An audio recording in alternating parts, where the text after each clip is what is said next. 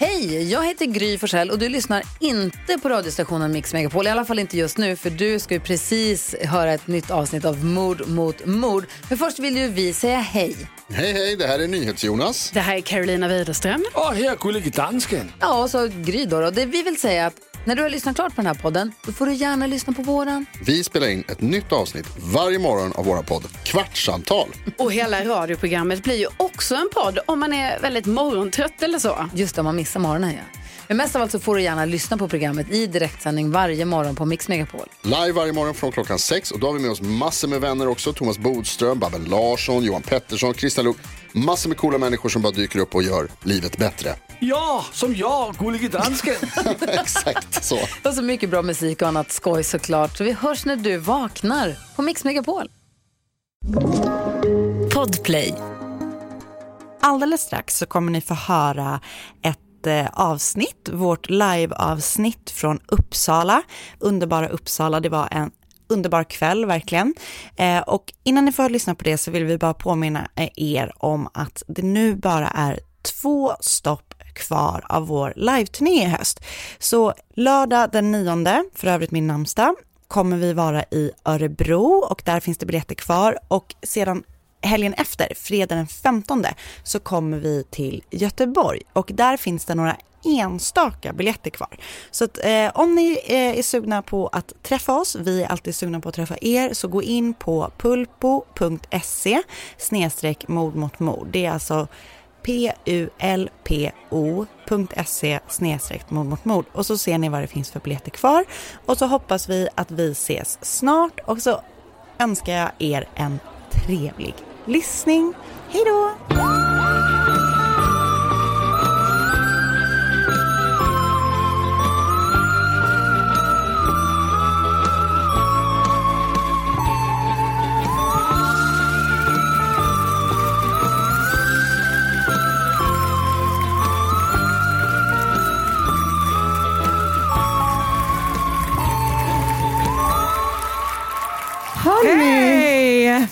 Vilken jävla bas det var i den Verkligen. idag. Ja. Hej! Hej Uppsala! Så Gud, så kul nära att vara här. Jag gillar att ni har liksom ert bord här. Ja. Kommer ni ångra när vi dricker upp alltihop? Shots-race hela vägen. Med eh, kaffe? Kom- Nej, vin. Har ni vin i pappmugg? Har ni? Ah, okej. Ah, Bring your own. Verkligen. Jag vet inte om det är okej här. Eh, hur mår ni? Vad bra. Hur mår du Karin? Jag mår... Eh, alltså, jag har ju berättat för dig att jag hade en, lite av en dag. Lite av en dag. Ja, att jag gick så förbi Bishops Arms på Stockholms central och bara så här, jag kommer nog stanna här idag. Hela kvällen och då var klockan typ 15.15. Men nu kände We jag... made it! Verkligen! Men nu kände jag när jag liksom eh, kom ut till de här så var det som att, eh, eller så fort jag träffade dig Ja, förstås. ja. Men ännu mer nu så kände jag så här, nu, Nu- nu, vänder det, Ja, nu så händer det. Eh, Så nu mår jag toppen tycker jag. Hur vad mår kul. du? Jag mår jättebra. Verkligen superbra Oj. känner jag. Utan någon ironi. Faktiskt. Verkligen, verkligen bara bra. Okej. Var det någon som hörde förbandet, Annas barn? Ja, precis. Ian är här med min mamma, vår nanny. Ja. Eh, och, eh, han... Det känns som hon gillar turnélivet. Ja, absolut. Ja. Ha, båda två tror jag. Båda två gillar det. Eh, så vi får se. Jag ser dem längst bak här. Eh, vi får se om han... The star eh, of the show. Precis. Ja. Om någon av dem vill kompa in. Exakt. Vi har ju en extra mick om vi ska Ja. micka upp honom. Han har ju väldigt bra mikrofonteknik annars bebis. Ja, exakt. Här är vi. Här är också vi här. Eh, vi gör den här podden. Mord mot mord heter Mord mot det. mord heter är det det. någon som inte har hört vår podd innan? Men, Ja! Alltid första raden. alltså, vad är det med det här manliga självförtroendet? Alltså, det är så De är kul. så jävla Alla andra är fans, men här sitter du. Nej, välkommen. Ja, vi pratar ju om mord och andra hemska saker. Så det kommer bli lite sånt här även idag ju. Det får vi ändå säga. Ja. Och idag så kommer vi eh, göra en liten... eh, vi kommer göra så här. Baren är öppen. Eh, Hela tiden. Hela tiden. Ja. Eh, vi kommer själva gå och ta några svängar dit. Nej, jag skojar bara. Men vi kommer alltså... Först kommer jag berätta ett lokalt fall härifrån, underbara Uppsala. Eh, sen så kommer vi eh, döna på, rakt in i ditt. Mer Ingen paus international. idag. International, exakt. Så det blir ingen eh, paus idag och vi är eh, helt lugna med om ni blir törstiga. Kolla, redan här har vi en föredömlig person som... Verkligen. Man gör det man känner att man måste här- när man vill. Just det, man får kissa med, är det du man säger. får gå på Ja. toaletten när man vill. Också. Eh, Det här är en person som vi har hyrt in för att Exakt, för demonstrera att hur det demonstrera att baren är öppen. Ehm, Men du Anna, ja, Karin? jag undrar om det är någonting... Vi brukar ta en bild. Vi brukar ta en bild. Så här är det. Eh, om det går så skulle vi vilja att vi tände upp lite och så kommer vi ta en selfie med er. Så att om man inte vill vara med så håller man för sitt Vad ansikte. fina ni var. Okej, och vänta. Hur är det du gillar när jag står som på en lagbild? Jag kommer täcka honom. Nej, lägg det i hans knä. Lägg det i hans knä. Okej, är det någon som verkligen inte vill vara med så behöver man inte det. Men då får man lösa det på egen Ja, hand. verkligen. Okej? Vår, Vi vår testade- GDPR-hantering. Okej, eh, om alla vinkar, Om alla vinkar- så är det jättebra för då ser ni fler ut. Med båda händerna. Du, Anna, den blev ändå ganska bra tror jag. Jag tror typ också att det blir bra. Stockholm blev ju artsy kan Det var man säga. bara jag i bild. Ja, så var det. Så var det. Men längst bak här så sitter ju några som har gjort någonting som det känns som att... Eh, alltså, som har ätit Som- middag. Också ett föredöme. Ja, var, det, ni, var det god mat? Ja. Ja, även de inhyrda skådespelare. Men de lät också lite spökiga. Ja. Ah, rassel, rassel, rassel, rassel. Det var väl typ det vi brukar göra. Ja, jag är det någon som det. har några frågor än så länge?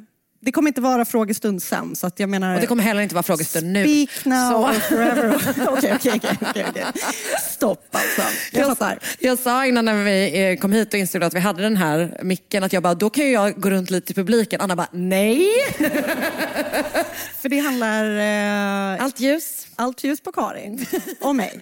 Men först är det du som ska ha allt ljus. Känner du dig redo att kicka igång bara eller? Jag tänker det lika bra. Ska vi ta en skål eller? Ja, och skål med er. Skål. Skål! Underbart att vara här. Ja, så mysigt. Jag har aldrig varit i Uppsala innan. Jag skulle säga, vad är din relation till Uppsala bara innan vi drar igång? Men det tror jag vi pratade om förra veckan i podden Ah, och eh, vi bara ah. kom fram till att den var Just det, väldigt svag lite relation. konstig. Ja. Mm. Du Eh, har det varit här här att alla, alla högtider fast du... alla högtider. Ingen annan har varit här. Och nu jul, typ, nästan. Julafton på Katalin i Uppsala. Eh, nej, det var inget. Nej. Jag var på väg att säga... Ja, Okej, vi, vi bara kör. Karins lokala fall. Everybody, Karin Londré. Jag känner att mitt alltså, bildningskomplex galopperar så fort jag kommer in av tåget, typ. För att det är Alltså den främsta akademi, vet inte, universitetsstaden i Stockholm kanske. Oj! Efter Lund. Efter Lund. Oh, det någon som har pluggat i Lund. Ah, bravo! Vad gör ni här? här och skryter med era dubbla utbildningar. Jag har ingen. Nu är det dags att börja. Det är vårens första dag. Den 5 april 1995. Oj, någon... Någon som är född 95. Ja, eller pikade då. Eh, Klockan är strax innan 13. Ja. På Carolina Rediviva, säger man så? Stämmer det? Ja, bra. Är det fullt pådrag? Det är eh, kårval. Fullt av studenter i entrén. Men så plötsligt bryter något igenom sålet. Ett obekant dunkande fångar flera av de närvarandes intresse. Ljudet kommer från en visningssal på bottenvåningen och när några nyfikna går in där för att undersöka får de se något förvånande. Där står två män iförda rånarluvor. Den ena håller i en hammare. Med den slår han om och om igen mot skyddsglaset på den monter där universitetets, kanske hela Sveriges mest värdefulla bok ligger. Silverbibeln. Mannen med hammaren får hål i glaset, rycker upp innehållet, trycker ner den i en portfölj och sen tar sig I en gärnings... portfölj? Ja. Så spännande. Man, alltså man är väl ändå bibliotekstjuv? Alltså verkligen, man har inte någon vanlig trunk. Att man tänker det var ingen rånarluva, det var, det var alltså lös mustasch, glasögon, Plommonstop, inte att glömma. Ja, plommonstop med hål för ögonen. okej. Sen tar sig gärningsmännen mot utgången förbi de chockade studenterna med- medan en enligt utsago skriker så får ni inte göra, den är fruktansvärt dyrbar. Ja, Där fick rätt. ni den av Uppsala! Hammaren slängs på golvet men snart lyfter den andra mannen något annat mot studenterna. Är det en pistol? Nej. det är tårgas. Aha. Han liksom för tårgasen typ uppåt liksom mot taket och börjar spraya friskt. Och medan vittnena får svårt att se och svårt att andas springer männen ut från biblioteket mot Carolinaparken med portföljen i högsta hugg. På vägen sliter en av dem av sig sin rånarluva och en kvinna blir vittne till flykten. Hon har sett rånarens ansikte. På biblioteket är det tumult. Flera studenter är väldigt svårt påverkade av tårgasen och polis och brandkår kommer dit och får snart höra någon har stulit silverbibeln. Alltså, Ja. bara instickare. Ja, Hade det inte varit liksom så klumpigt, eh, liksom själva utförandet av stölden, Mm. så känns det väldigt så Indiana Jones-aktigt. Men han har ju aldrig stått... Och sen så, det är sånt där glas som inte går sönder, utan som bara är... Men det är så starkt att det är, liksom, det är mitt på dagen. Som sagt, det är kårval, det är, liksom, det är mitt i. Så bara gör de sin grej. Ja, Äh, det- här, jag gill- här har vi det. Det är verkligen det är inget raffinerad hammare direkt Nej. heller. Vi tar den vi hittar hemma. Eh, den skulle vara larmad men det, ut, ja, det gick inte. Eller det funkar inte. Det gick inte. Det gick inte. Så där såg det ut efter den här attacken. Och eh, silverbibeln då, Codex Argenteus kanske? Eh, världens främsta källa till det utdöda språket gotiska. Består av de fyra evangelierna och anses vara nedtecknad på fem- 500-talet i Ravenna i nuvarande Italien. Eh, bladen är pergament från, eh, det är ofödd killing. Känns lite väl på något sätt. Jag, jag förstod typ inte ens vad du sa, Nej, men nu alltså förstod bladen jag. är Ja, liksom, Jag fattar. ja, det är hud från ofödd killing. Och bläcket är då främst silver, det är därför den kallas silverbibeln. Mm. Den hade 336 blad från början men så försvann den i typ tusen år. Och när den kom tillbaka så fanns det bara 187 blad kvar. Undrar vad de gjorde med... Det är typ att de tror att man kanske bara gav bort lite blad här och där. Alltså att det liksom var... Okej. Ja, du vet. Du vet hur det blir. Silverbibeln hamnar i Prag ehm, och när, efter de här liksom, tusen åren så poppar den upp i Prag då. När vi goa svenskar kommer och lootar stan efter slaget vid Prag 1648 så är det bara en av de många skatter vi plockar med oss därifrån. Sen hamnar den lite på omvägar igen för drottning Kristina ger bort silverbibeln till sin bibliotekarie för att hon har skulder till honom. Man får som man bara, hur sen var hon? Med att lämna tillbaka sina böcker. Alltså, men också, okej. Ja. Det känns konstigt att en drottning har en skuld så. Ja, jag tror jag sa en bibliotekarie, men det var det ju inte. Nej. Det var helt rimligt. Men till slut så köper Gabriel de la Gardi, kanske? Eh, den ger, ja, det här är problemet att man inte liksom säger någonting högt någonsin utan bara skriver. Han ger den i alla fall en, han köper den från den här eh, bibliotekarien, ger den en fin ny silverperm och skänker den till Uppsala universitet. När då? Eh, 1648 liksom, Ah. Mm. 48 eller någonting. Typ så. Nej, det sa jag nyss. 1660-talet tror jag det är. Där ni uppenbarligen har gjort ett utmärkt jobb att ta hand om den. Nej, men ni har faktiskt typ gjort ett ganska så bra jobb. För när man då säger att silverbibeln är stulen så är det en sanning med modifikation kan man säga. Eh, Så här är då silverbibeln, det här är en sida. Ehm, men det som har stulits är då liksom två pergament av de här över 180 som finns, för det är det enda som är utställt. Silverpärmarna är ju absolut alltså gamla, de är från 1600-talet, men de är inte från 500-talet. Nej, nej. De är, kommer ju kommit till mycket senare. Och sen det här bokblocket, alltså det som, det är liksom någon slags replika. Aha. Så det är inte så mycket som är Nej. att ta. Men alltså, det är fortfarande jättefruktansvärt Ja, ja. värdefullt uppenbarligen. Men resterande blad eh, är i säkert förvar någon jättehemlig stans. Vad I någon du? krypta eller något sånt där. tänker jag. Det här är alltså en fruktansvärt värdefull bok. Kan man säga. Det kan man verkligen Ja. påstå. Nyheten om stölden sprider sig över världen och oroade bok och... Jag har skrivit gotälskare, men jag är inte säker. Oroliga gotare. Eh, De hör snart av sig till Uppsala universitet. Det här är trots allt av en av världens mest berömda handskrifter. Och som sagt då, den främsta källan till det här språket, gotiska. Den är bokstavligt talat ovärderlig. Den går inte att värdera. Den går inte heller då så himla bra att sälja. Uppenbarligen. Nej. Så frågan är, vad, Vad ska de göra vad med ska de göra? Ja. Exakt. Polisen har, de får ingen hjälp av typ teknisk undersökning på platsen. Ingenting ger någonting. Men de har några teorier om vad som kan ha varit motivet då. Eh, det ena är att de tror att det skulle kunna vara så kallad art napping. Japp. Det, Det måste du berätta vad det är. Jag Ah, hörde någon sa, vad är det? Ah, ja, men eh, ni vet vad kidnapping är? That's with art. Nej men att man helt enkelt ska stjäla och kräva till, utbyte. exakt, Ja. så ska man kräva tillbaka eller få massa pengar för att lämna tillbaka. Ett, en annan teori, alltid en bra teori, någon slags satanism. Ja. Visst. Jag gillar också den här väldigt mycket. Skulle kunna vara ett rollspel som har gått för långt. Snälla. Det känns i och för sig som att det skulle kunna vara så, givet plommonstopet, portföljen. Just det, att det är sånt dumt liksom. Det är sånt eh, Cluedo fast utan mord. Det var jag med hammaren och plommonstopet i bibliotek i Carolina Rediviva. Eh, en annan teori är att det är någon från Tjeckien som har tagit tillbaka den. Ja. Vilket typ. Helt okej. Ja. Nej, Det, fan, inte, nej, men det, fanns, helt okej. Mm. för- men det fanns typ någon slags, liksom, det har funnits snack om det. Att man ska lämna tillbaka saker man tog när, av, som, under krig och sådär. Hur som helst.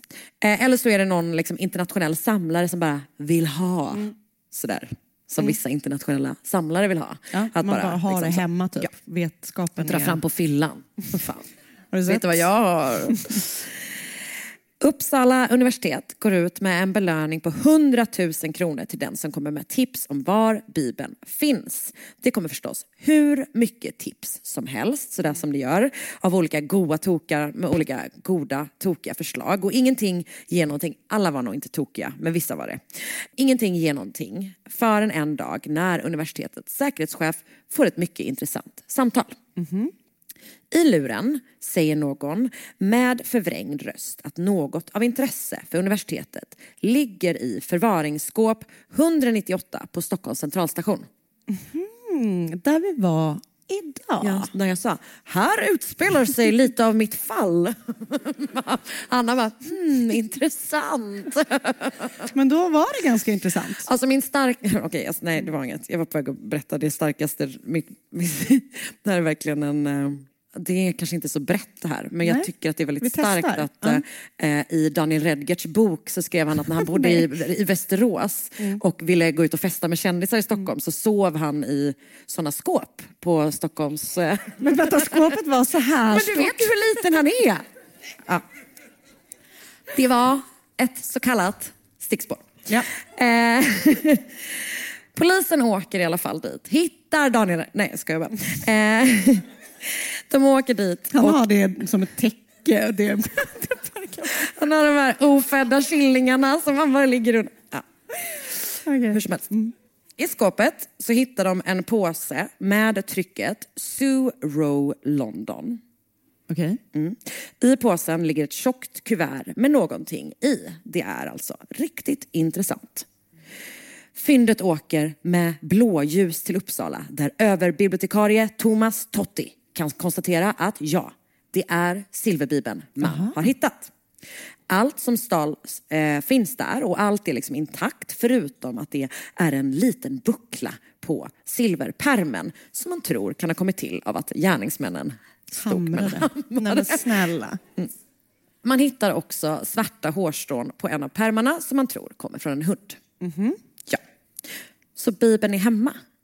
Den är tillbaka i Uppsala. Ja. Efter en månad inom ordinarie lånetid skojar, skojar bibliotekarier. Jag läste en härlig eh, Ergo-artikel, en TBT om vad som liksom skrevs eh, om Silverbibeln då. Och då kan man läsa att Uppsala-studenterna gick till hård attack mot tjuvarna. En skribent kallade dem för tårgastöntarna. Men man hånar dem också på lite andra sätt. Det var som ett spex när Silverbibeln stals. Det gillar de Också här. kul, man bara, är det hon som, alltså, samtidigt står det under tårgasoffer. Det känns inte så, det var kanske typ inte som ett spex för henne. För vissa fick de hamna typ på sjukhus och sånt. Aj. Ja, hur som helst.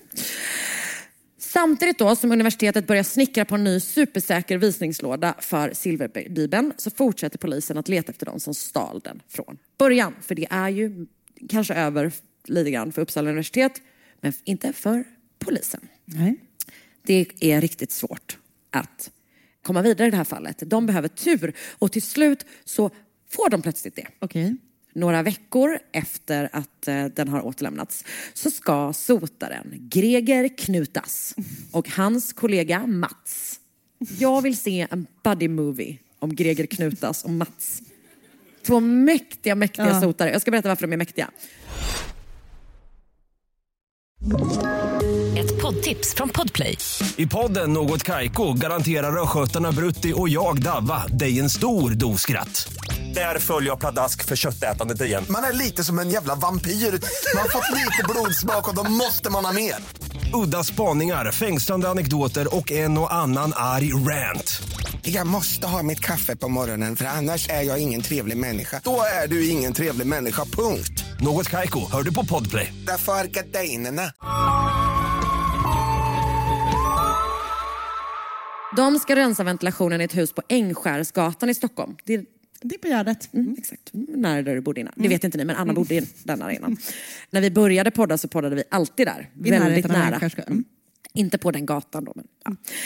Eh, där hittar de... Enough. Verkligen.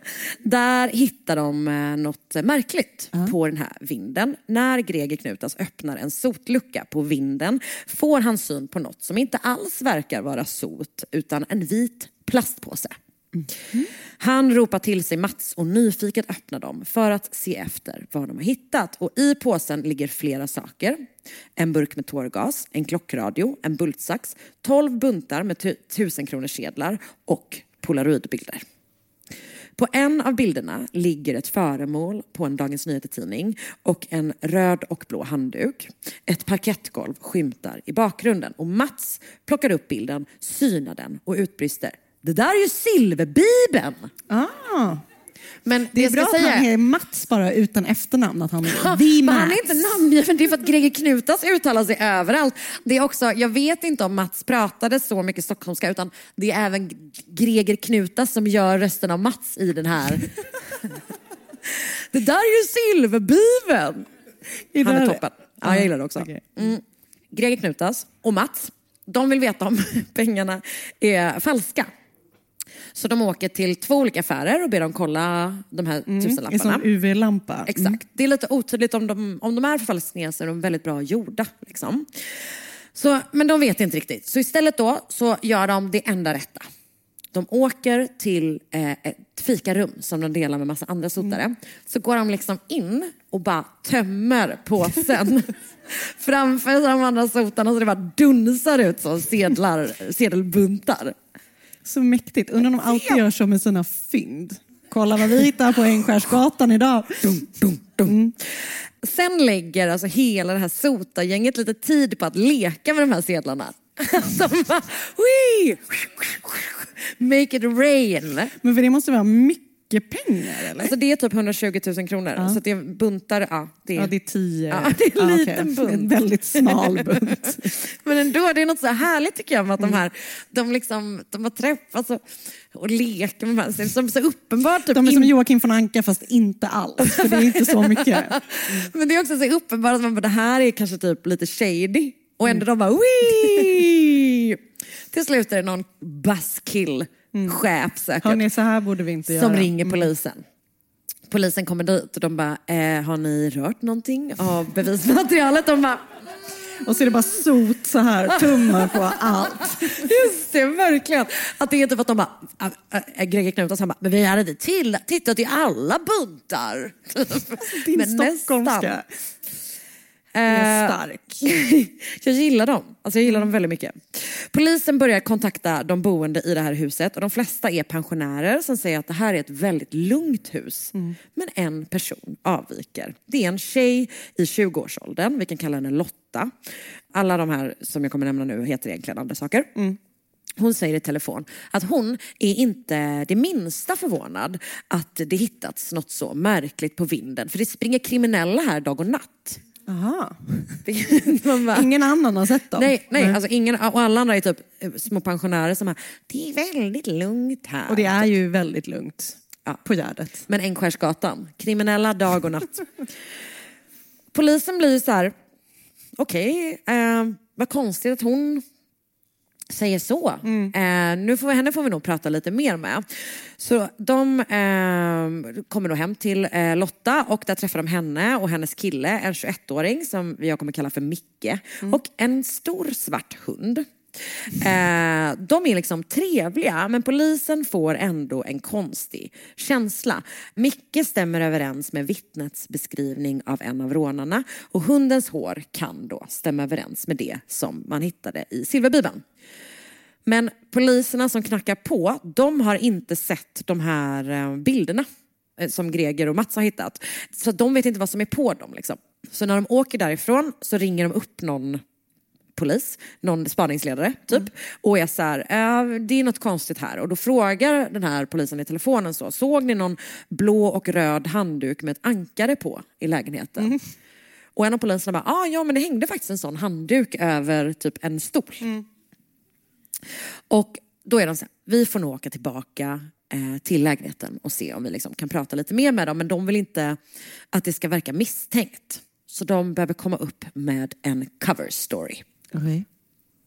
De låtsas att de har glömt en väldigt fin penna. De bara, just det här minns som fjäder. Gud vad kul att tänka när de ska ta vittnesuppsagor så bara, ska jag bara ta upp min pergamentrulle och Att de har den här, du vet en sån. De tar upp de han liksom skriver in literal silverbibeln. Um, det är verkar nog som att Lotta och Micke kanske anar lite oro. Hör och häpna. Hör och häpna. Perfekt. Ehm, de är inte lika trevliga längre. Nej. Och de går in i lägenheten, jag vet inte riktigt vad de gör där den gången. Men de liksom konstaterar hur det ser ut, de kanske kollar lite på parkettgolvet som ju också syntes i bakgrunden. På de här polaroidbilderna på silverbibeln. Eh, och sen så åker de därifrån eh, med en stark känsla av att här har silverbibeln varit. Lotta är ostraffad, men Micke har trots sin ringa ålder ett liksom långt belastnings, liksom utdrag ur belastningsregistret. Bland annat för stöld och rån och han är också ganska nyssmucka typ. Och polisen börjar då spana på det här paret och upptäcker snart att Frida äger en klädbutik på Malmskillnadsgatan. Vem är Frida? Nej, Frida. Lotta. Förlåt. Okej. En helt ny person som jag nu kommer berätta lite mer om. Hon Lotta. älskade att sjunga. Lotta. Ja, Lotta. Okej. Ja. Hon äger en lägenhet på... Nej. En affär, en klädaffär på Malmskillnadsgatan. Sluta skratta så himla gott. Du har aldrig hört den här skiten innan. Alla andra får, men du får inte. Hur som helst, klädaffär, Malmskillnadsgatan. Lotta. Ehm, Det är också så här, inte alls likt. Det var jätte... Ja, okej. tjej som tjej, Anna. Okay. Helt rätt. Helt rätt. Och i den här klädaffären så hänger det då liksom unga killar varje dag trots att det är en klädaffär. Alltså det finns bara tjejkläder där. Tycker polisen är konstigt. Polisen känner också igen flera av de här killarna som är där. Ehm, så utöver, alltså för att de är typ unga Stockholmskillar som de har stött på. Ja. Så. Och utöver Micke och Lotta så blir snart ytterligare två killar in- och intressanta. Låt oss kalla dem, kalla dem för Anders och Hans. Det är alltså min eh, mammas nya man och min pappa. Det är de som är, vi pratar om. Ja. Nej, men jag bara... Jag tänkte, här kommer två helt vanliga namn på brottslingar. Det är två så älskvärda män båda två. Inte de här nödvändigtvis då, utan ja, ni förstår. Dina, Anders och Hans. Mm, ja. De har starka misstankar om att de här, det här gänget liksom har haft med stölden att göra men inte tillräckliga bevis för att gå vidare. Eh, trots att de ligger i en kontorslokal mitt emot den här affären och typ spanar i veckor. Men så kommer information som styrker misstankarna. Det är alltså en polis som jobbar med informatörer från liksom i undervärlden som har fått in uppgifter som bekräftar att det är det här gänget, eller det här gänget har haft med stölden av silverbibeln att göra. Nu bestämmer man sig för att slå till på flera ställen samtidigt och gripa Lotta, Micke, Anders och Hans. Och under husrannsakan i Anders och Hans lägenheter så hittas, alltså det är som rånarkit typ. Eller du vet man bara, ah det är så en hel uppsättning. Men du vet det är så vapen, spräng, alltså de har liksom massa olika kofötter. det är kul att något som... Jag tänker att de hänger så här på en insida av en dörr, så har de hängt den lilla, den lite större. Eller typ att man har ett så, du vet, Ja, ett bälte. bälte. du, ja. Så bara sprängmedel, kofot. Jag ska bara hänga på mig. När man gör husrannsakan i Lottas butik hittar man påsar med trycket Sue Row London, precis som den påsen som man hittade Bibeln i.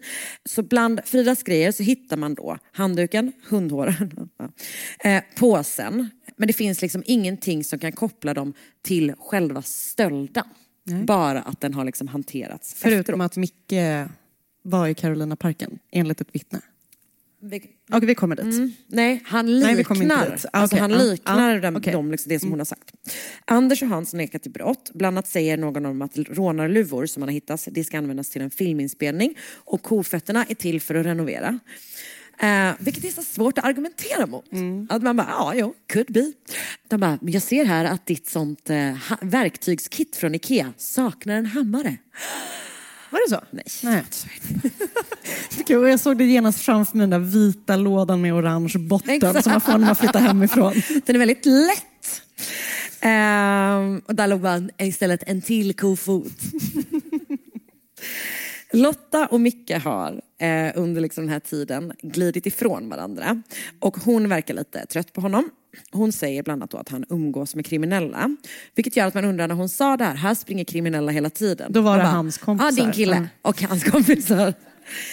Micke själv erkänner mer än polisen trott att han ska. Han berättar att han har haft med silverbibeln att göra. För två bekanta till honom har kommit hem till Lottas lägenhet när han då bodde där eh, och bett honom att eh, ta hand om bibeln. Han har då sagt nej, eh, men då har de ändå passat på att göra den här lilla photoshooten med bibeln i hennes lägenhet. Bibeln sån modell för en dag, eftermiddag, låg på en spegel. Fan, när ska vi göra det igen? Då vill jag ha med den där handduken. Jag tycker den känns så... Jag vill ha den runt höften. Vad bara? Draperad? Ah. Oh, tack för att ni är här idag och stöttar våra drömmar. Två veckor senare har de då kommit till Lottas butik och bett Micke om hjälp med att lämna tillbaka Bibeln. Han säger alltså... Till att universitetet? det, eh, ja, exakt. Han säger att det är han som har lagt den i Ah, förvaringslådan. Och att det är därför den här eh, Just det, påsen, påsen. kommer därifrån. Sen har han också blivit ombedd att ta hand om den här plastpåsen med de här grejerna i. Och det har han då också hjälpt till med, så han har lagt det på Lottas vind. Men han är eh, liksom rädd för de här uppdragsgivarna så han vill inte berätta vilka de är. Nej. Så det finns då ingenting som binder någon av dem till själva stöten. Sådär. Eh, man gör en vittneskonfrontation med tjejen som såg en av rånarna. Eh, och problemet är att man råkar ha med en polis som är jätte, jättelik. Så att det är typ lite att hon bara, eh, alla andra kan gå. Det är någon av de två, Nej. men jag har ingen aning om vem. Alltså jag kan liksom inte skilja dem åt. Så det blir helt Okej. meningslöst. Liksom. Och det är nu det kommer en twist här. Så det var, Det var polisen. polisen. Han bara nej. Så det här håller då helt Nej. enkelt liksom inte för åtal för kuppen och bara Micke åtalas för sin inblandning. För han, han åtalas då för grovt häleri. Hans försvar, och det här tycker jag är riktigt bra. Det är inte olagligt att lämna tillbaka stöldgods. Det är väl inte? Eller jag vet inte, är det någon som är polis? Är det någon som har lämnat tillbaka stöldgods på det senaste? Var det olagligt? Eh, nej men det håller ju inte då utan han döms ehm, eh, till två års fängelse. Och det är och förblir den enda domen som liksom handlar om stölden av silverbibeln. Även om an, eh, liksom Anders och Hans döms för annan skit. Typ. Sommaren 2021 så släpper P4 en dokumentär i två delar om stölden av silverbibeln. Och i arbetet med den så kommer reporter Niklas Storm i kontakt med en källa som säger att kuppen var ett beställningsjobb av någon som ångrade sig när den fick veta att det inte handlade om hela bibeln. Det är verkligen två sidor. Det är så jä... Jag kan typ förstå det. Man bara, det var inte det här jag beställde. Fick jag kvitto? typ? Alltså verkligen. Enligt källan så genomförde polisen och någon från liksom tjuvsidan, alltså att man typ förhandlade om återlämnandet eh, med polisen. Det har liksom inte polisen riktigt bekräftat. Liksom. Ehm, eller de, det, I den här dokumentären så är det som att någon bekräftar att det, liksom så här, det, har funnits nå- det kan ha funnits någon slags kontakt men absolut inte att någon har fått några pengar. Eller så där, liksom. Och de här sedlarna som Greger Knutas och Mats hittade, de var falska. I dokumentären får Niklas Storm också kontakt med Anders som plötsligt berättar att det var han som höll i hammaren den 5 april 1995 på Carolina Rediviva. Och det var Micke, säger han då, som höll i tårgasen. Okej.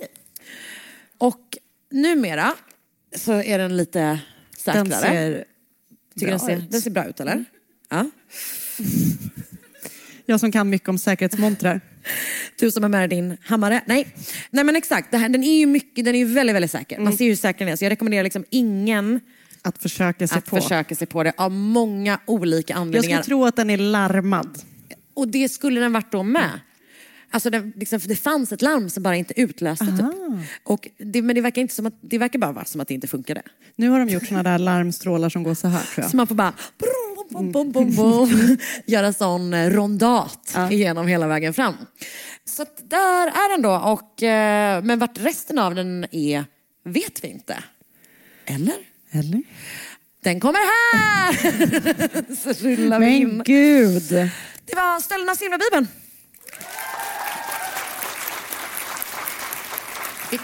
Vilken värdefull bok ni har. Alltså verkligen. Men jag står fast vid att eh, det hade varit starkare om det var en professor som löste det. Ja, istället för en sotare, eller? Ja, just det. Nej, det, Ja. det funkar för sig också. Det, funkar. Det är Men starka karaktärer. Liksom. Det är de här, ja, jag gillar dem väldigt mycket. det var väldigt spännande. Du, tack så jättemycket. Eh, nu går jag. Vi ses på tåget hem. Och nu Eh, är det mina. Nej, Karin kommer stanna. Ett poddtips från Podplay.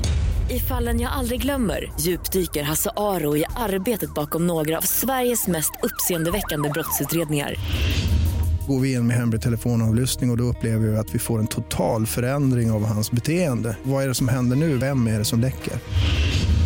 Och så säger han att jag är kriminell, jag har varit kriminell i hela mitt liv men att mörda ett barn, där går min gräns. Nya säsongen av Fallen jag aldrig glömmer på Podplay. Nu är det alltså dags för Anna Sandell Mm. att ta vid och take us international. Så varsågod, här har vi henne, den oefterhärmliga Anna Sandell! Tack Karin. Tack Karin. Jag går in i min eh, berättarröst. Som jag aldrig har haft innan. Eh, Okej, ja, vi börjar. Nu kommer vi röra oss över Atlanten som vi ju så ofta gör i den här podden. Vad är det du brukar kalla det? Det är stolta landet i väst. Ja, har jag sagt det? Ja, jag tror verkligen Det det. stora landet. Det stora landet, det fria landet brukar du ofta säga. Land of dreams. eh, Okej, Nej, men och det här är kanske inte lika lättsamt som Karins. Eh, eller det var inte så lättsamt. Men lite mer lättsamt. Alltså böcker, litteratur Anna, det är allvarliga saker. Nej men så här då. Jim och Louisa Hazel bodde i början på 1900-talet i Blue Mountain i Alabama i USA. De fick totalt fem barn och 1905 fick de en flicka som döptes till Nancy men som alla kallade för Nanny. Hon hade en... Jag var så Du tänker bara på Nanny Fine? Alltså jag var så fruktansvärd. Ja, jag hörde- Alltså when she became. Jag hörde, jag hörde dig i mitt bakhuvud. Hon har varit så närvarande den här hösten på något vis. Alltså, För oss. Verkligen. Ja. Ehm, Nanny Fine, om ingen har sett den så är det världens bästa serie som går jättetidigt på morgnarna på kanal 3. Eh, Någon är föräldraledig. Eh, men Nanny hade en tuff uppväxt på flera olika sätt. Hennes föräldrar hade en bondgård och eh, de hade väldigt ont om pengar. Och hennes pappa var liksom allt annat än en snäll pappa. Han misshandlade barnen på olika sätt och hennes mamma, som Nanny har beskrivit som en så här väldigt kärleksfull mamma, var också jätterädd för eh, pappan, alltså hennes man, och eh, har liksom därför stått ut med att barnen får utstå då, eh, massa hemska saker. Och barnen går till en början i skolan, men de behöver hjälpa till eh, på gården och jobba där. Eh, så att Nanny eh, gick i skolan upp till sjätte klass och sen slutade hon då få hjälpa till på heltid eh, på gården med, tillsammans med resten av familjen. Och de är då väldigt hårt hållna, hon och hennes syskon. Eh, de får då, utöver att de inte får gå i skolan, så får de inte heller göra sånt som andra tonåringar gör. De får typ inte träffa kompisar, de får inte ha smink, de får inte klä upp sig, de får bara typ vara hemma och jobba. Bra. Nej. Det är en eh, Precis parent, role model parenting. Eh, nej men, och i brist då på att träffa jämnåriga pojkar så börjar hon drömma om dem. Hon låste in sig på sitt rum och virkade. Eh, Om ni medan- fattar vad jag menar. Karin! Jag vet inte vad din mamma är. Jag blir så stressad. Ehm, nej, hon virkade. ehm, dukar och sånt. Och läste böcker. Och eh, kärleksböcker. Snusktant. Du alltså, inte hon. Ursäkta mig, men du ju fucking gott snusktantsällskap. Jag tror inte det fanns Harlequin-romaner back in the days. Nej. Eller noveller. Men jag tror, det räckte, alltså jag tror att det räckte med väldigt lite. Jag tror, det också det. liksom... jag, tror, jag tror det är helt rätt. Ja. Jag tror också det var så. Och hon brukade läsa alla eh, kontaktannonser i sån Lonely Gud, då är Hearts-kolumnerna. man thirsty. Alltså verkligen. Och när Nanny var 16 år så träffade hon till slut en kille. För då hade hon börjat arbeta på en fabrik i närheten där de bodde. Och den här killen då var typ jämnårig och han hette Charlie Braggs. Och eh, de dejtade och efter att de hade dejtat i fyra månader så gifte de sig. Och en del hävdade att det var eh, hennes pappa som liksom pushade henne in i äktenskapet för att han var rädd för att hon skulle bli med barn och att hon då skulle föda en oäkting. Och det vet vi ju allihopa. Eh, jag har ju två och jag vet ju allt om det. eh, men jag tänkte vi ska kolla på en bild på Nanny och ni kommer se, här är hon ju inte 16 år men eh, Fast det känns som att det var så man såg ut när man var 16 år. ja, jag tror det. Jag tror Ja. typ hon såg ut så här alltså, hela hon är livet. ju 17 år här. Men eh, hon, det finns inga bilder från hennes eh, tidigare år. Men så här kommer hon att se ut. Hon ser, jag tänker också att hon såg likadan ut typ hela livet. Men det här äktenskapet tog ju Nanny liksom ur hennes ganska strängt hållna familjehem till ett annat ganska strängt eh, hållet eh, hem. För att Charlie och Nanny flyttade in hemma hos Charlies mamma. Men även då Charlies mamma gillade att styra och ställa över sitt numera gifta barn och hans fru.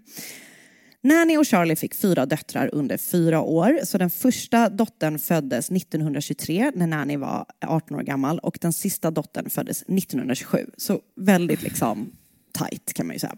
Och Charlie var inte en särskilt närvarande pappa. Han hade olika otrohetsaffärer medan Nanny då var hemma och tog hand om deras barn och även Charlies mamma.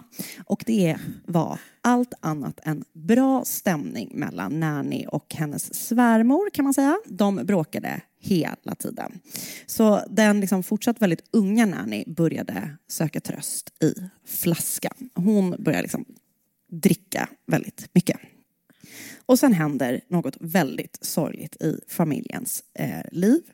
En dag när Charlie kom hem från jobbet så hittade han två av deras döttrar, de två mittenbarnen, livlösa på köksgolvet.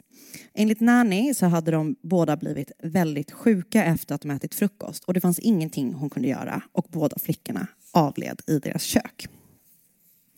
Eh, och familjen enades inte kring det här otroligt sorgliga utan Charlie bestämde sig istället för att ta med deras äldsta dotter Melvina och lämna Nanny och deras yngsta dotter och även hans mamma. Och de då flyttade från stan. Okej. Märkligt gjort. Eh, men, eh, och Nanny behöver inte dras med sin svärmor särskilt länge för att kort efter att Charlie har lämnat familjen så avled även hans mamma väldigt hastigt. Och Charlie han var borta i ungefär ett år innan han kom tillbaka. Men det var inte för att återförenas med sin fru och sin yngsta dotter. Utan det var för att säga till Nanny att han har träffat en annan kvinna och han vill skilja sig. Och till slut går hon med på skilsmässa då och när de skiljer sig så lämnar Charlie inte bara Nanny och deras yngsta dotter utan då lämnar han även Melvina hemma hos Nanny. Han skaffar sig en ny, familj. Exakt. Nanny då, hon fantiserar ju om den stora kärleken i livet. Och kort efter att hon har skilt sig från Charlie så träffar hon en ny man. Robert Franklin Harrelson. De har börjat brevväxla efter att de har sett varandras annonser i just en sån här Lonely Hearts eh, kolumn i tidningen. Och de har, hon har typ skickat en paj till honom, han har skickat brev. Gud, men hon har postat en paj. vad, sa han- vad hade han skickat? Brev tror jag bara. Det är liksom det man gör. Ja, okej, Han kanske har skickat ett par underbyxor eller något, jag vet inte. Eh, Men 1929 så gifter de sig och Nanny flyttar då med sina två barn eh, till Jacksonville, där de flyttar in hos honom. Hon inser kort efter att de har gift sig att han inte är Mr McDreamy som hon trodde, utan han är gravt alkoholiserad och har varit i kontakt med polisen både en och två och tre gånger för olika typer av misshandel. Trots Och det... tänk att han fick en paj. Alltså verkligen. Hon vet att vägen till en mans hjärta går via magen. Eh, men trots då att han är typ ett asshole så eh, hänger de ihop. De liksom är ihop. Som man är. Och åren går och Nannys barn växer upp. 1942 träffar då hennes äldsta dotter Melvina en man som hon gifter sig med. Och de får först ett barn, en son, och sen får de ett till barn, en dotter, två år senare. Och Nanny har hjälpt till då med att ta hand om Melvinas barn, eh, alltså Nannys barnbarn. Eh, och var, hon var också med på sjukhuset då, när Melvina födde sitt andra barn. Och Melvina är helt så här medtagen efter födseln. Eh, och hon blir ju såklart förstörd när hon har återhämtat sig efter förlossningen och får höra då att hennes lilla bebis inte har överlevt. Och det verkar liksom inte vara någon som kan berätta exakt vad som har hänt och varför bebisen inte har överlevt. Men Melvina har liksom en känsla av att hon har sett någonting.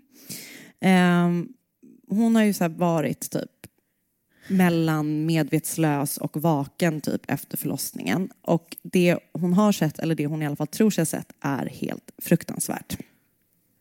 Hon tror nämligen då att hon har sett sin egna mamma döda hennes nyfödda lilla bebis eh, där på sjukhuset. Jättehemskt. Och det här är då bara så otroligt sorgligt. Och fem år senare, när Melvina var och hälsade på sin pappa eller något sånt, så lämnade hon sin son med Nanny. Och under tiden som Melvina var borta så gick även hennes son bort. Och han har då dött av kvävning, men vad han har kvävts av, det går inte att fastställa. Senare samma år så dör även Nannys make, eh, som hon har då, alltså Robert eh, Franklin Harrelson. Han insjuknade hastigt och dog helt enkelt. Och Nanny då, fortfarande på jakt efter en härlig äkta man. Jag börjar ana andra motiv. Mm. hon hänger inte läpp allt för länge utan hon hittar ännu en gång en man genom Lonely Hearts. Paj? Frågetecken. Kan vara. Den här mannen heter antingen Arlie eller Artie. Lanning. Och de träffades. Jag tror du sa eller Annie. Nej men det var inte, det var inte ett tredje alternativ. Nej. Nej. Eh, Artie eller Arlie Lanning.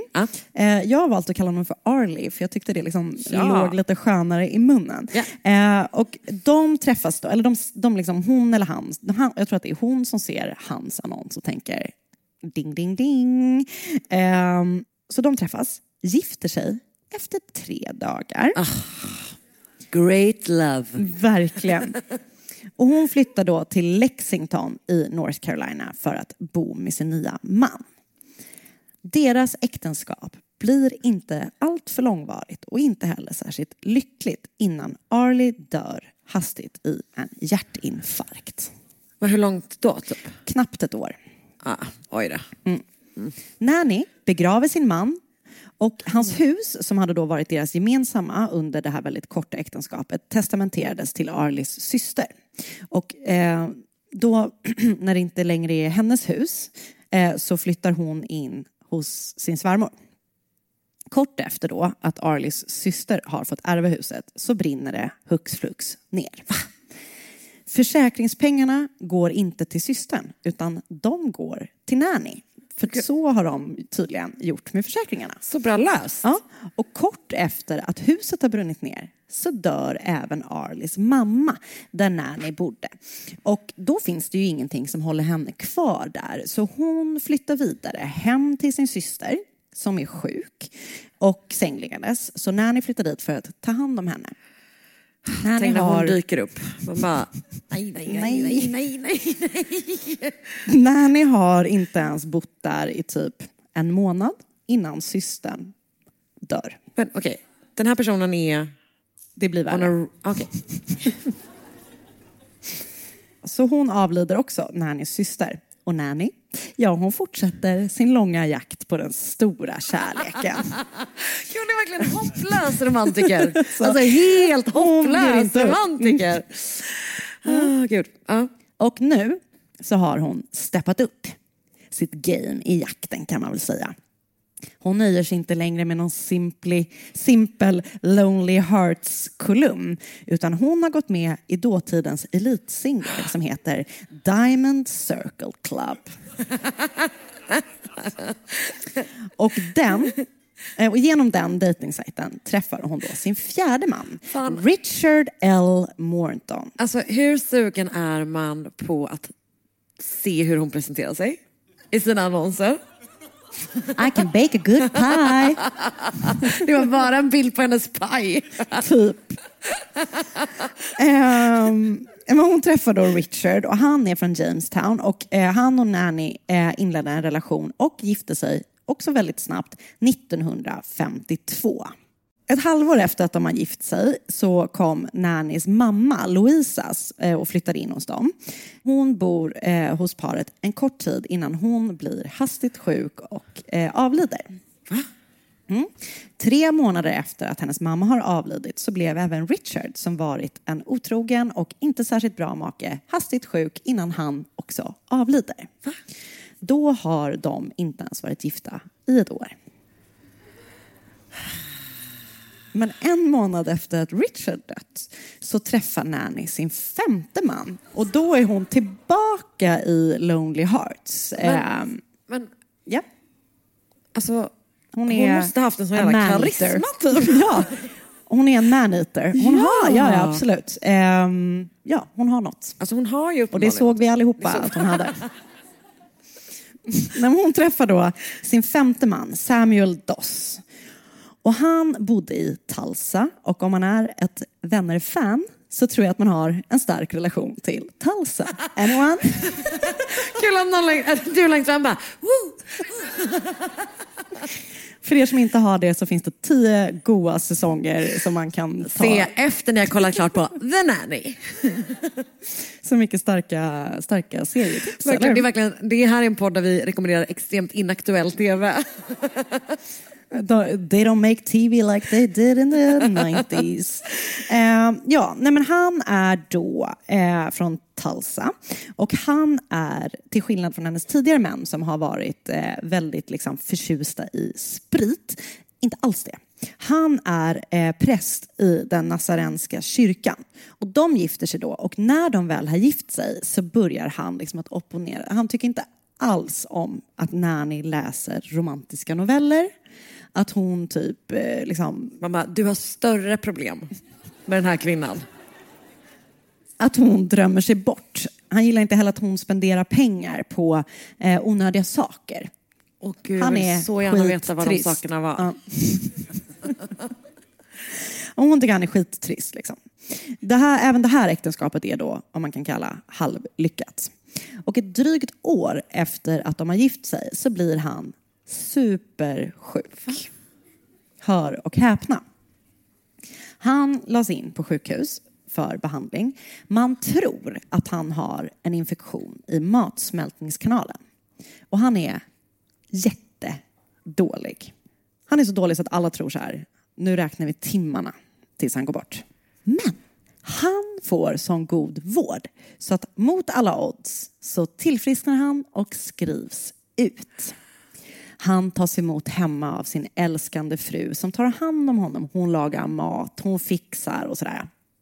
Men bara en vecka efter att han skrivits ut från sjukhuset så blir han supersjuk igen. och avlider då. Igen, igen höll jag på att säga. Det hade han inte gjort än. Han avlider. Första gången. Första gången.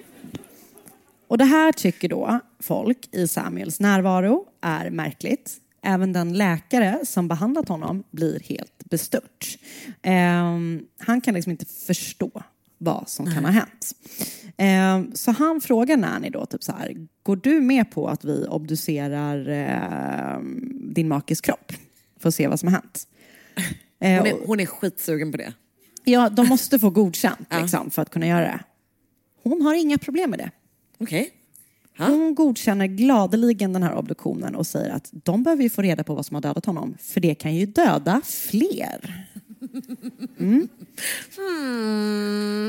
Det här är början på slutet för Nanny. För som vi ju har hört så har ju folk genom hela hennes liv dött runt omkring henne. Eh, nästan alla som har stått henne nära någonsin eh, dog. Och eh, när de obducerade Samuels kropp så hittade de stora mängder arsenik. Så Nanny grips då för mordet eh, på Samuel och polisen har väldigt mycket frågor till henne och de har också börjat titta tillbaka på hennes liv och saker som hänt runt omkring henne tidigare. Nu har vi, tror jag, en bild här. Jag bara, här. Är hon! Du var arsenik och du var arsenik och du var arsenik.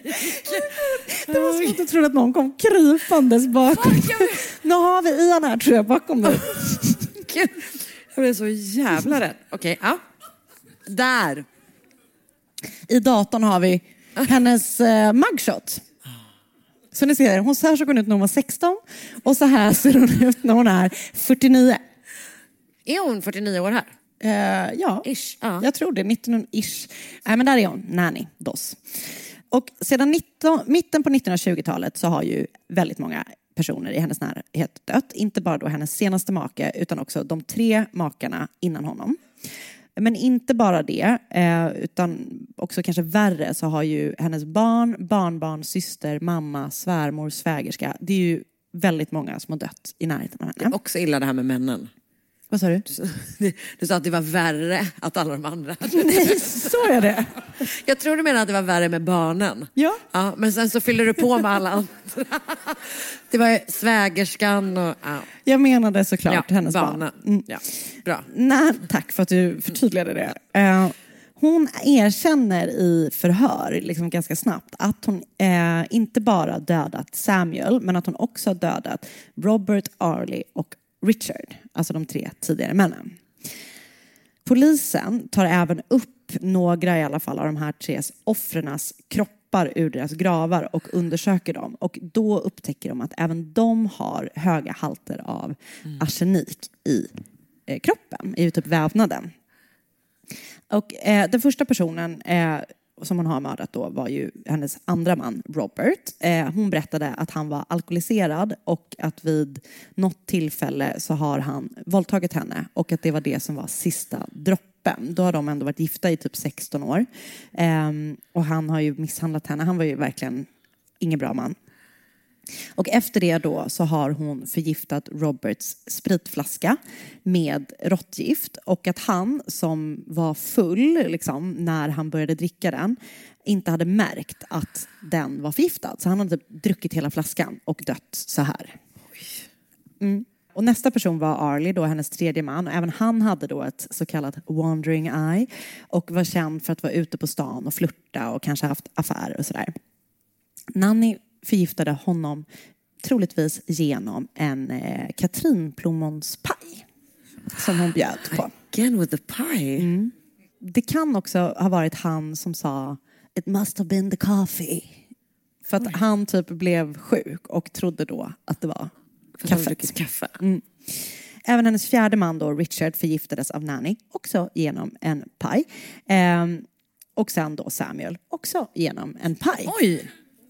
Så fyra mord erkände hon bara sådär. Och det var då genom corn whisky och katrinplommons pajer, vilket eh, måste ha varit så populärt back in the days, vilket känns som man typ inte gärna hade ätit. Eh, även om det inte var gift i, eller? Det är inte din favoritpaj? inte min favoritpaj.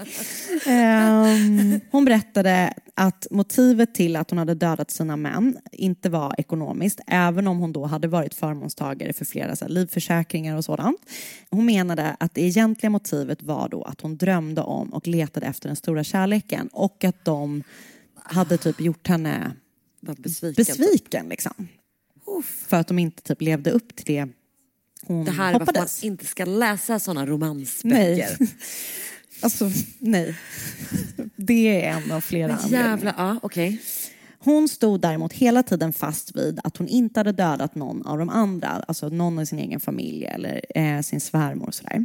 Även om den allmänna uppfattningen verkar ha varit att hon gjorde det. Och vad motivet skulle ha varit då för att döda sina barn, barnbarn, syster, mamma, svärmor och så vidare vet man inte. Men det finns eh, vissa tankar då om att det skulle vara ekonomiskt eh, motiverat. Hon hade livförsäkring på sina barn. Men några menade då att hon ville hämnas på Charlie, alltså hennes första man, för att han hade varit otrogen mot henne och då ville han hämnas på honom Via, via deras barnen. barn. Mm. Typ. Så hemskt. Om det finns någon sanning bakom det är oklart, för hon då menar ju att hon inte har gjort det här. Anledningen till att hon skulle ha mördat då två av sina barnbarn sägs eh, vara på grund av att hon inte eh, tyckte om hennes dotters val av partner. Också, vet sanningshalten är sådär. Det är inte så teorier. stark. Ja. Eh, hennes första man då, Charlie Braggs, som är den enda av hennes fem män som inte mördades, eh, lämnade ju henne kort då efter att barnen hade dött. Och han menade, efter att Nanny hade blivit gripen, att han var rädd för att hon skulle göra någonting mot honom. Att det var därför han hade dragit så snabbt. Hur han kunde lämna två av sina barn med, med den rädslan kan man ju bara fråga sig. Men han menade då liksom hela tiden att han var så här, "Ah, jag är nästa liksom, person om inte jag drar typ. Antagligen kunde hon komma undan med så många dödsfall runt omkring henne eftersom hon hela tiden liksom flyttade runt i landet. Hade hon bara stannat på en plats så hade de ju säkert liksom kommit på henne snabbare. Men eftersom hon flyttade över stadsgränserna så här hela tiden så började de inte lägga ihop ett och ett innan det liksom hade gått alldeles för långt. Ja. Hon blev bara åtalad och prövad för mordet på Samuel Doss trots att hon erkände tre mord till. Eh, och i förhören var hon väldigt speciell. Hon var charmig och glad i alla förhör, skrattade och liksom nästan flörtade med alla poliser som hon mötte. Och det var det som fick henne att få hennes smeknamn som var The Giggling Granny. Åh, det är så... Här det är en sån skräckfilm. En bild. Här då alltså. Mm. Här ser man hur Ah, hon... eh, jävlar ja. Hon har ju de här tre männen. Så här. De hade aldrig hört hennes podd heller. Nej. Nej, men, och, och hon beskrivs Hon verkligen- som en väldigt liksom, ja, men glad och trevlig person.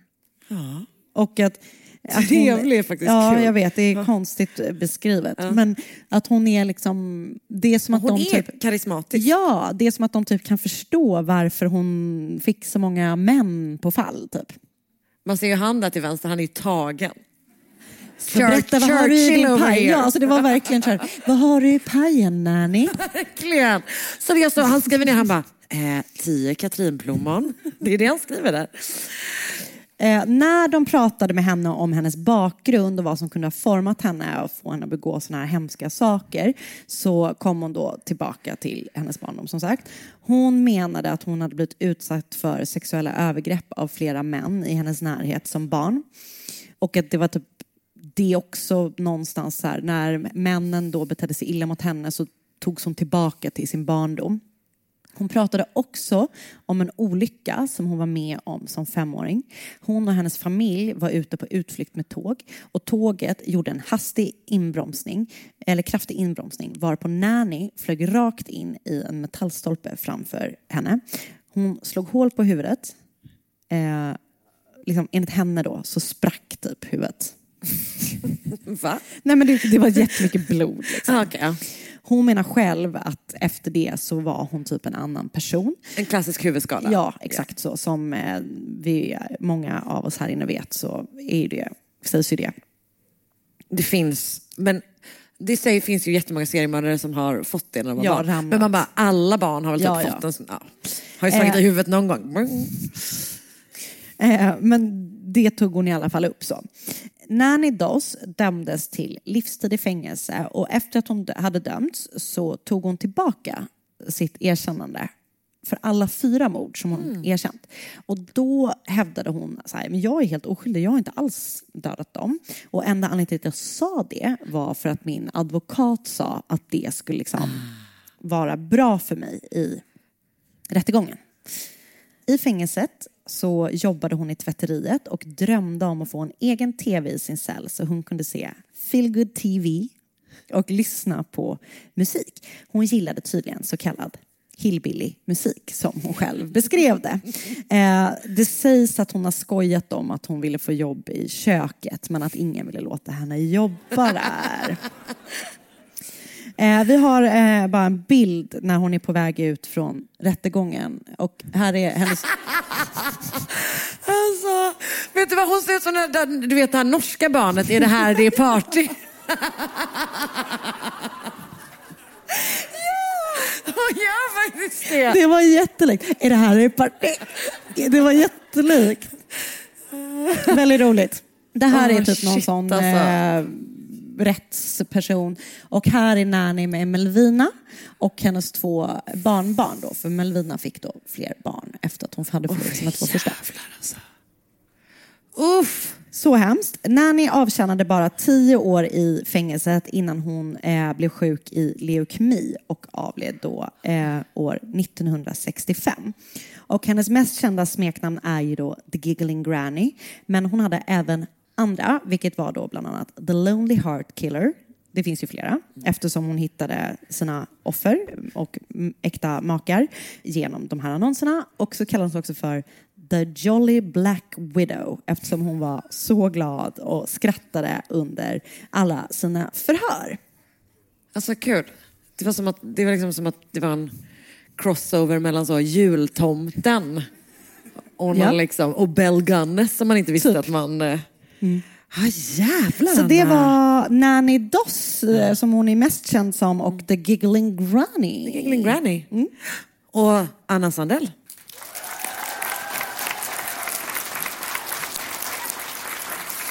Ja, och det var ju eh, vår podd Mord mot mord också, kan man ju säga. Verkligen. Och, alltså, det var underbart att få komma hit eh, till Uppsala idag och vara med er. Vi kommer vara här bak om någon vill eh, säga, Säga hej. hej. eller så. Vi vill jättegärna säga hej till er nämligen.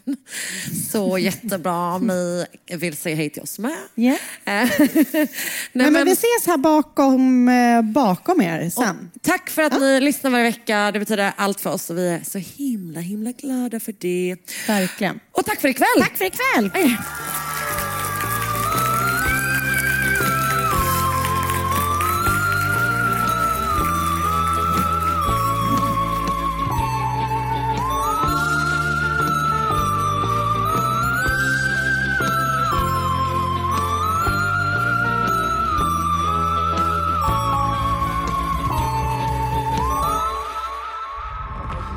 Podplay, en del av Power Media.